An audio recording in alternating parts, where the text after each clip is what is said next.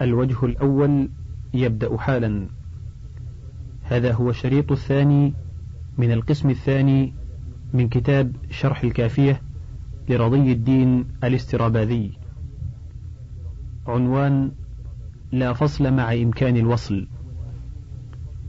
قوله ولا يسوغ المنفصل إلا لتعذر المتصل وذلك بالتقديم على عامله وبالفصل لغرض أو بالحذف أو بكون العامل معنويا أو حرفا والضمير مرفوع أو بكونه مسندا إليه صفة جرت على غير من هي له نحو إياك ضربت وما ضربك إلا أنا وإياك والشر وأنا وزيد وما أنت قائما وهند زيد ضاربته هي. اعلم أن أصل الضمائر المتصل المستتر. لأنه أخصر ثم المتصل البارز عند خوف اللبس بالاستتار لكونه أخصر من المنفصل ثم المنفصل عند تعذر الاتصال فلا يقال ضرب أنا لأن ضربت مثله مثله معنى وأخصر منه لفظا. أقول الضمير المرفوع والضمير المنصوب يصلحان كما مر. لأن يكونا متصلين منفصلين دون الضمير المجرور فلنذكر مواقعهما. فنقول إن الأصل في الضمير المرفوع والمنصوب أن يتصل بالفعل لأن المتصل كما مر كالجزء الأخير من الكلمة التي يليها. وكون الشيء كجزء كلمة إنما يتم إذا كانت مقتضية لها بالأصالة ومن حيث الطبع والذات. والفعل مقتض للمرفوع كذلك. ومن ثمة لا يخلو فعل منه فصح أن يجعل الضمير المرفوع كالجزء الأخير منه. وأما سائر ما يرفع فهو إما ابتداء عند البصريين ولا يصح اتصال المرفوع به لأن المتصل كالجزء من الكلمة المتقدمة والابتداء معنى وليس بكلمة. وإما مبتدأ وخبر كما اخترناه في أول الكتاب والمبتدأ اسم وليس الاسم في اقتضاء المرفوع كالفعل إذ ليس كل اسم رفعا. والخبر إما اسم وإما جملة وليس المرفوع أيضا من لوازم أحدهما. وأما ما الحجازية فليست أيضا كالفعل في طلب المرفوع إذ هو حرف نفي ودخوله على الفعل أولى. ومن ثمة كان النصب في نحو ما زيدا ضربته أولى من الرفع. وأيضا عملها للرفع بالمشابهة لا بالأصالة. وأما إن وأخواتها فالاسم المرفوع بها لا يجوز اتصاله بها. نحو إن زيدا أنت لما عرفت. فلم يكن الضمير المرفوع بهذه الأشياء إذا إلا منفصلا. وأما اسم الفاعل أو اسم المفعول أو الصفة المشبهة أو المصدر أو اسم الفعل أو الظرف أو الجار والمجرور فهي أيضا لا ترفع بالذات بل, بل بالحمل على الفعل. ويتصل المرفوع من هذه الأشياء بغير المصدر لكن بشرط الاستتار كما يجيء وكذا تقول الفعل هو المقتضي للمنصوب بالأصالة. وسائر ما ما ينصب الضمائر وهو إن وأخواتها. وما الحجازية. نحو ما زيد إياك. واسم الفاعل واسم المفعول والمصدر واسم الفعل. إنما تنصب بمشابهة الفعل والحمل عليه. وكان حق المنصوب أيضا ألا يتصل إلا بالفعل أو الأسماء المشبهة له كالمرفوع لطلب الفعل له بالذات والبواقي بالحمل عليه. لكنه لما جاز في الأصل أي الفعل أن يتصل به مع استغنائه, استغنائه عنه لكونه فضله جاز اتصاله بغير الفعل أيضا إذا شابهه كما يجيء. فإذا تقرر هذا قلنا الضمير المرفوع والمنصوب إما أن يعمل فيهما الفعل أو غيره وفي الأول يجب اتصاله بعامله إلا في ثلاثة مواضع. الأول إذا تقدم على عامله ولا يكون إلا منصوبا نحو إياك نعبد. الثاني إذا كان العامل محذوفا نحو قولك إن إياه ضربته وإن أنت ضربت ونحو إياه لمن قال من أضرب. وقد مر في باب التحذير أن إياك والأسد من باب تقدم المفعول على ناصبه وإنما لزم الانفصال في الموضعين لأن الضمير المتصل ما يكون كالجزء الأخير من عامله فإذا لم يكن قبله عامل بل كان مؤخرا أو محذوفا فكيف يكون كالجزء الأخير من عامله؟ الثالث إذا فصل عن عامله لغرض لا يتم إلا بالفصل وذلك في مواضع منها أن يكون تابعا إما تأكيدا نحو أسكن أنت وزوجك ولقيتك إياك أو بدلا كقولك بعد ذكر لفظ أخيك لقيت زيدا إياه أو عطف نسق نحو جاءني زيد وأنت ولا يقع الضمير وصفا كما تقدم ومنها أن يقع بعد إلا نحو ما ضربت إلا إياك وما ضرب إلا أنا. وأما قوله وما نبالي إذا ما كنت جارتنا ألا يجاورنا إلاك ديار فشاذ لا يقاس عليه. وكذا إذا وقع بعد معنى إلا كقوله كأن يوم قرى إنما نقتل إيانا. ومنها أن يلي إما نحو جاءني إما أنت أو زيد ورأيت إما إياك أو عمرا. والغرض منها إفادة الشك من أول الأمر. ومنها أن يكون ثاني مفعولي علمت أو أعطيت. ويورث اتصال الضمير التباسه بالمفعول الأول كما إذا أخبرت عن المفعول الثاني في علمت زيدا إياك وأعطيت زيدا عمرا. قلت الذي علمت زيدا إياه أبوك والذي أعطيت زيدا إياه عمرو. ولا يجوز أن تقول الذي علمته زيدا ولا الذي أعطيته زيدا. لأنه يلتبس بالمفعول الثاني بل يلتبس المفعول الثاني بالأول.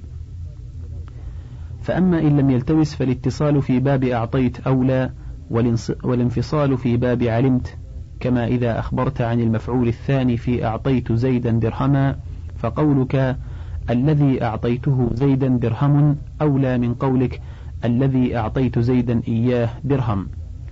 لأنك تقول على المتصل بلا مانع من فساد اللفظ والمعنى. ومن جوز المنفصل فتوطئة لإزالة اللبس في المفعولين اللذين يحصل فيهما اللبس بالاتصال. نحو أعطيت زيدا عمرا. وإذا أخبرت عن الثاني في علمت زيدا قائما فقولك الذي علمت زيدا إياه قائم. أولى من قولك الذي علمته زيدا قائم. وذلك للتوطئة المذكورة أو لرعاية أصل المفعول الثاني إذ العامل فيه في الأصل ما يجب انفصاله عنه كما في كنت إياه على ما يجيء. وإن كان الضمير من غير الفعل فإما أن يكون مرفوعا أو منصوبا. فالمرفوع لا يكون إلا منفصلا إذا كان مبتدأ أو خبرا أو خبر إن وأخواتها أو اسم ما لما مر. وأما إذا ارتفع باسم الفاعل أو المفعول أو الصفة المشبهة أو اسم الفعل أو الظرف أو الجار والمجرور فإن فصل عن عامله لغرض لا يتم إلا بالفصل كما ذكرنا في الفعل وجب انفصاله. نحو زيد قائم أخوه وأنت وضارب إما هو أو أخوك وهيهات زيد وأنت ومررت برجل في الدار أخوه وأنت. ومثله الضمير البارز بعد الصفة إذا جرت على غير ما هي له. فإنه تأكيد للضمير المستكن فيها لا فاعلها كما في أسكن أنت وزوجك. وذلك لأنك تقول مضطردا نحو الزيدون ضاربوهم نحن والزيدان الهندان ضارباهما هما. وقد عرفت ضعف نحو جاءني رجل قاعدون غلمانه. وقال الزمخشري في أحاجيه بل نقول ضاربهم نحن وضارباهما. فإن ثبت ذلك فهو فاعل كما قيل. وكذا يجب انفصال الضمير المرفوع بالصفة والظرف إذا كان مع المرفوعين جملتين وذلك إذا اعتمد على همزة الاستفهام أو حرف النفي. نحو ما قائم أنتما وأقدامك هما. أقدامك هما. وأفي الدار أنتما عند أبي علي.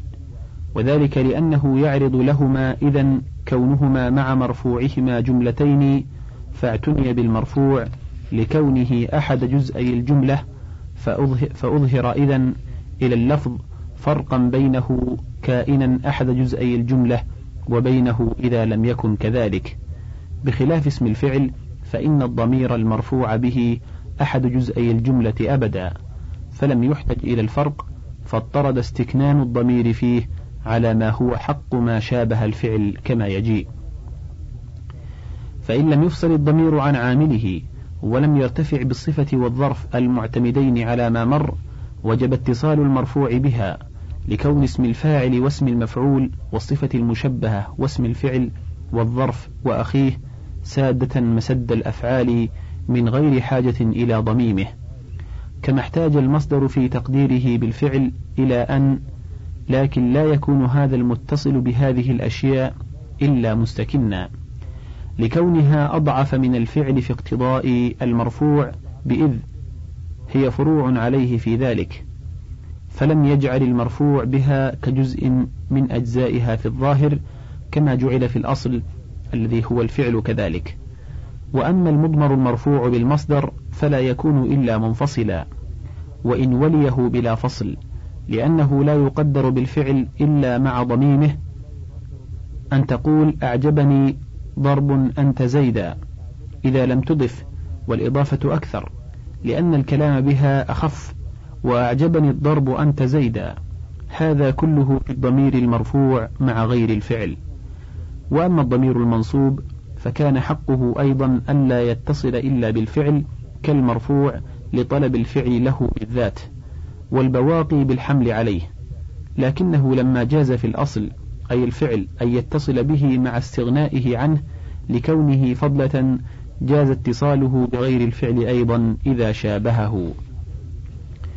فإذا كان مع غير الفعل فإن كان العامل مما وجب انفصاله عن المنصوب وضعا كما الحجازية نحو ما زيد إياك أو فصل بينهما لغرض لا يتم إلا بالفصل وجب انفصاله كما ذكرنا في ضمير الفعل. نحو ما أنا ضارب إلا إياك وأنا ضارب إما إياك وإما زيدا وأنا ضاربك إياك وإن لم يكن كذلك فلا يخلو من أن يكون الناصب حرفا أو اسم فعل أو مصدرا أو صفة. فالحرف يجب اتصال الضمير به. نحو إنك قائم وإنك في الدار وليتك قاعد ولا تقول إن في الدار إياك وذلك لأن الحروف غير مستقل فالاتصال به واجب مع الإمكان. وكذا يجب الاتصال باسم الفعل كقوله تراكها من إبل تراكها. وتقول رويده وحيه له وحكى يونس عليكني. وإنما وجب الاتصال في القسمين لما ذكرنا من أن المنفصل لا يجيء إلا عند تعذر المتصل. وجاز أيضا الانفصال فيما اتصل به الكاف من أسماء الأفعال. نحو رويدكه ورويدك إياه وعليكه وعليك إياه. تشبيها بنحو أعطاك إياه كما يجيء وإن لم يكن الكاف ذلك الكاف. وأما المصدر فإن كان منونا لم يتصل المنصوب مع التنوين للتضاد بين التنوين الدال على تمام الكلمة والضمير المتصل الدال على عدم تمامها مع ضعف مشابهة المصدر للفعل. فيجب أن تقول أعجبني ضرب إياك إن لم تضف والإضافة أكثر. ولا يمتنع على ما هو مذهب الأخفش في نحو ضاربك وضارباك وضاربوك أن يكون حذف التنوين في ضربك أيضا للمعاقبة لا للإضافة. فيكون الضمير منصوبا كما مر في باب الإضافة. وإن كان المصدر ذا لام فالأشهر انفصال الضمير بعده.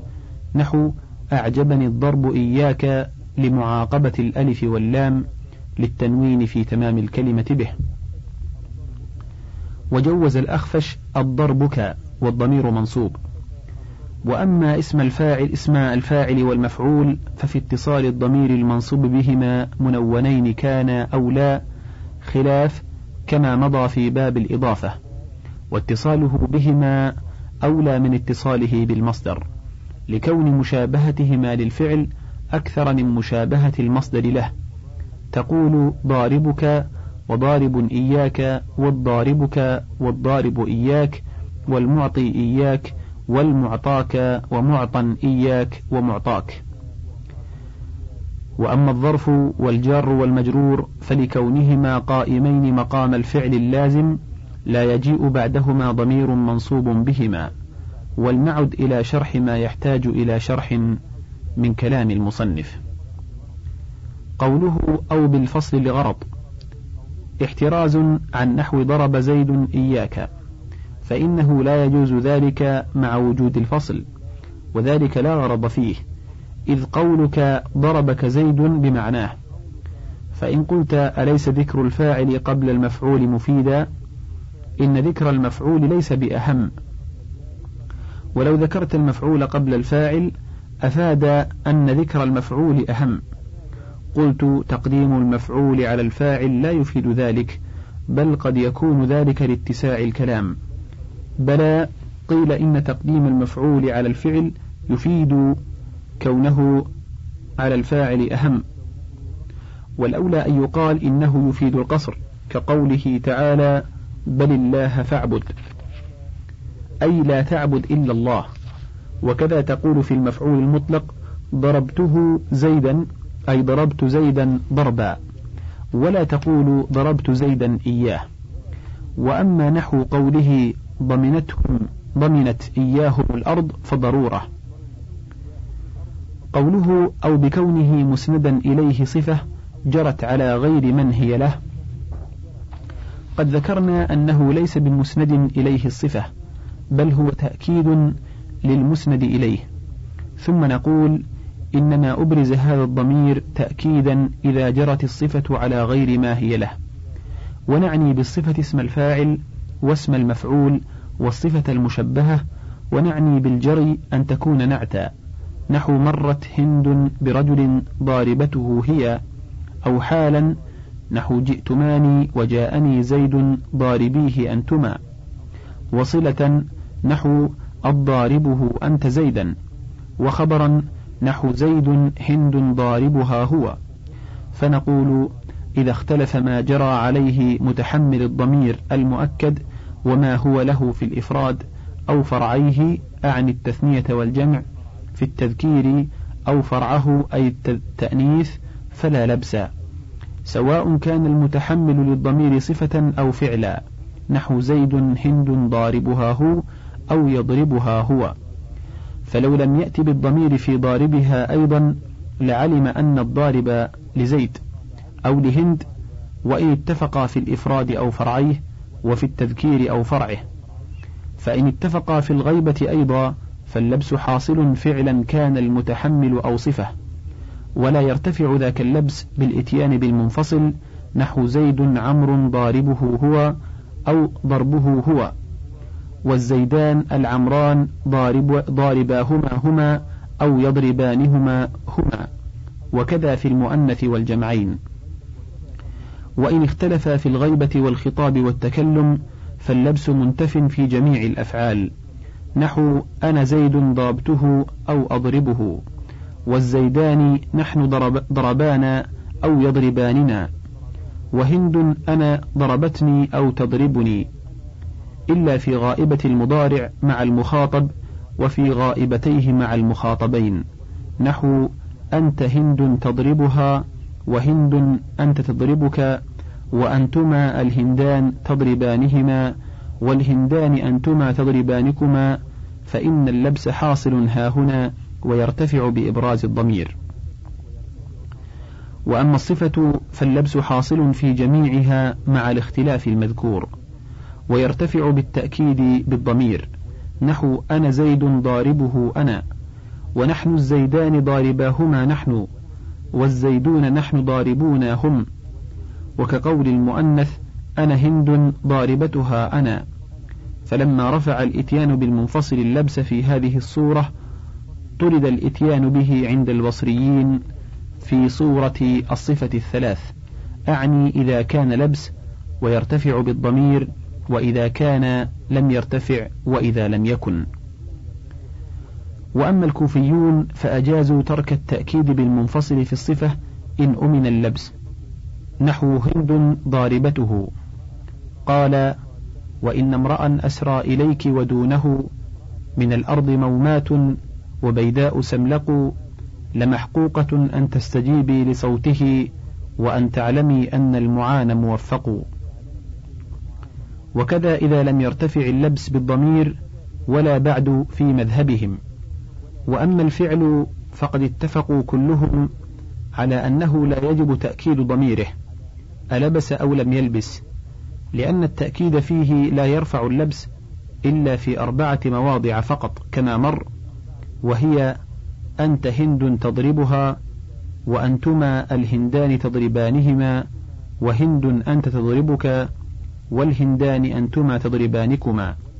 بخلاف الصفة فإن رفع اللبس بالتأكيد حاصل فيها في كل موضع اختلف فيه من جرت عليه ومن هي له غيبة وخطاب وتكلم.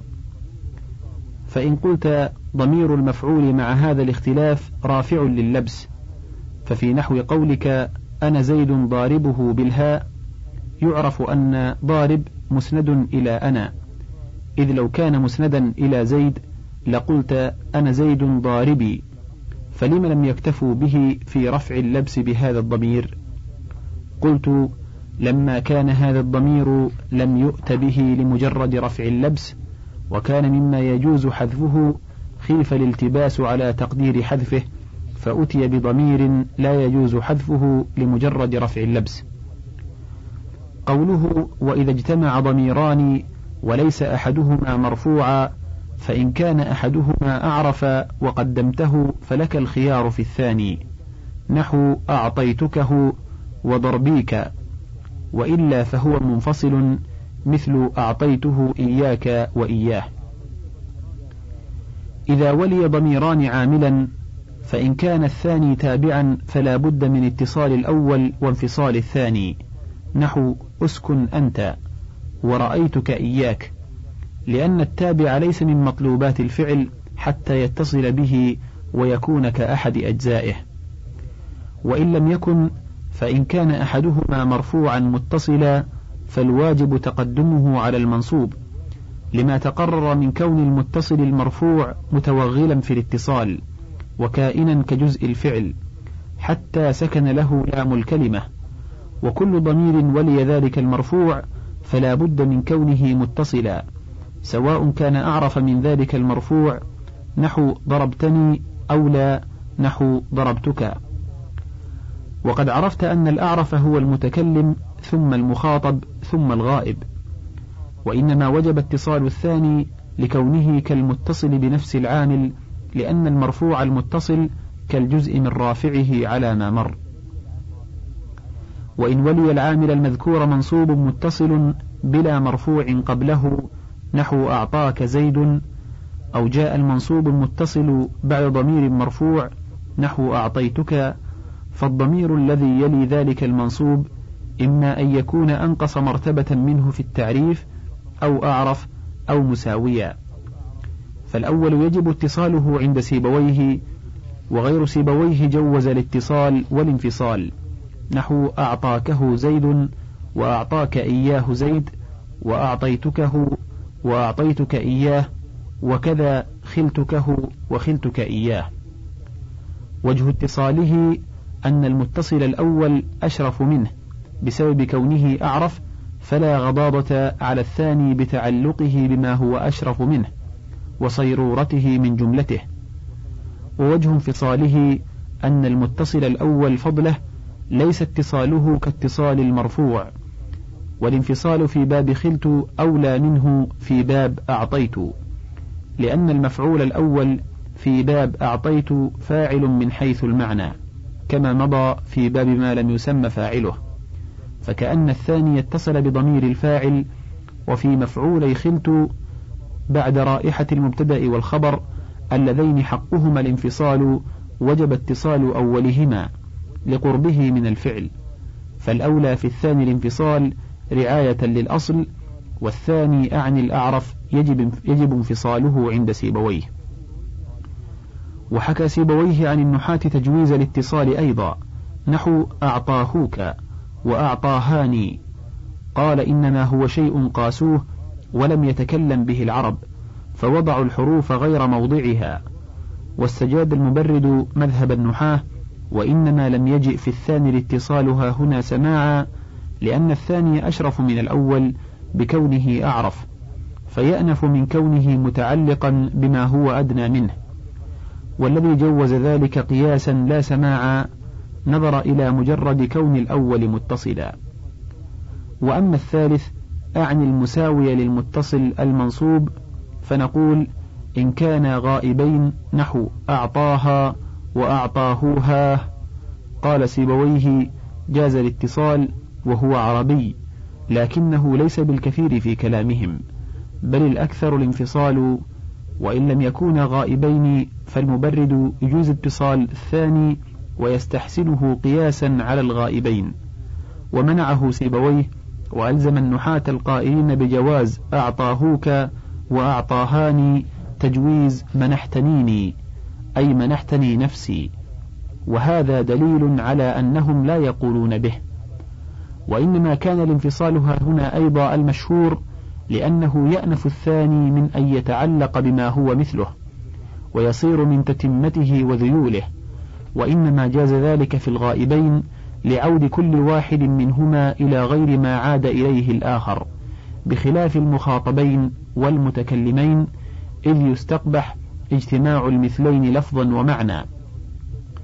وإنما لم يجئ في التابع نحو ضربتهوه كما جاء أعطاهوه لأن طلب الفعل المتعدي للمفعول ضروري من حيث المعنى بخلاف طلبه للتأكيد فلما كان جذبه للمفعول أشد كان اتصاله أليق من اتصال التأكيد. هذا كله في الضميرين بعد الفعل. وأما إذا كان بعد الاسم والأول منهما مرفوع متصل ولا يكون إلا مستترا كما مر نحو زيد ضاربك فقد ذكرنا قبل جواز اتصال الثاني وانفصاله أيضا. نحو زيد ضارب إياك. وإن كان الأول مجرورا فإن كان الثاني منصوبا فكما إذا كان بعد الفعل وكلاهما منصوب. أي ينظر إلى الثاني هل هو أنقص تعريفا أو أزيد أو مساو.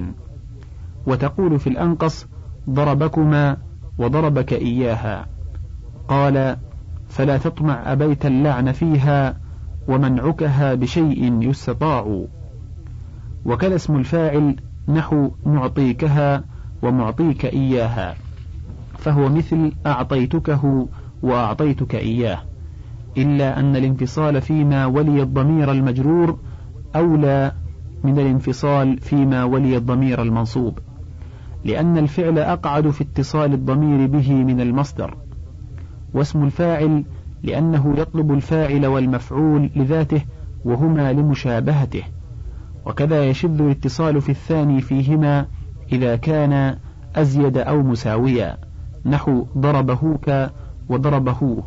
قال وقد جعلت نفسي تطيب لضغمة لضغماهماه يقرع العظم نابها. وإن كان بعد الضمير المجرور مرفوع فلا بد من كونه منفصلا سواء كان أعرف من المجرور أو أنقص أو مساويا. إذ البارز المرفوع المتصل لا يتصل إلا بالفعل كما ذكرنا. نحو ضربك هو وضربك أنا وضربه هو. ولا يكون الأول منهما منصوبا إلا عند هشام والأخفش كما مر في باب الإضافة في نحو ضاربك فحكم الضمير الذي يليه عندهما حكم الضمير الذي يلي المجرور كما مر. قوله وليس أحدهما مرفوعا لأنه إن كان مرفوعا وجب تقديمه واتصال الثاني كما تقدم سواء كان الأول أعرف أو لا. انتهى الوجه الأول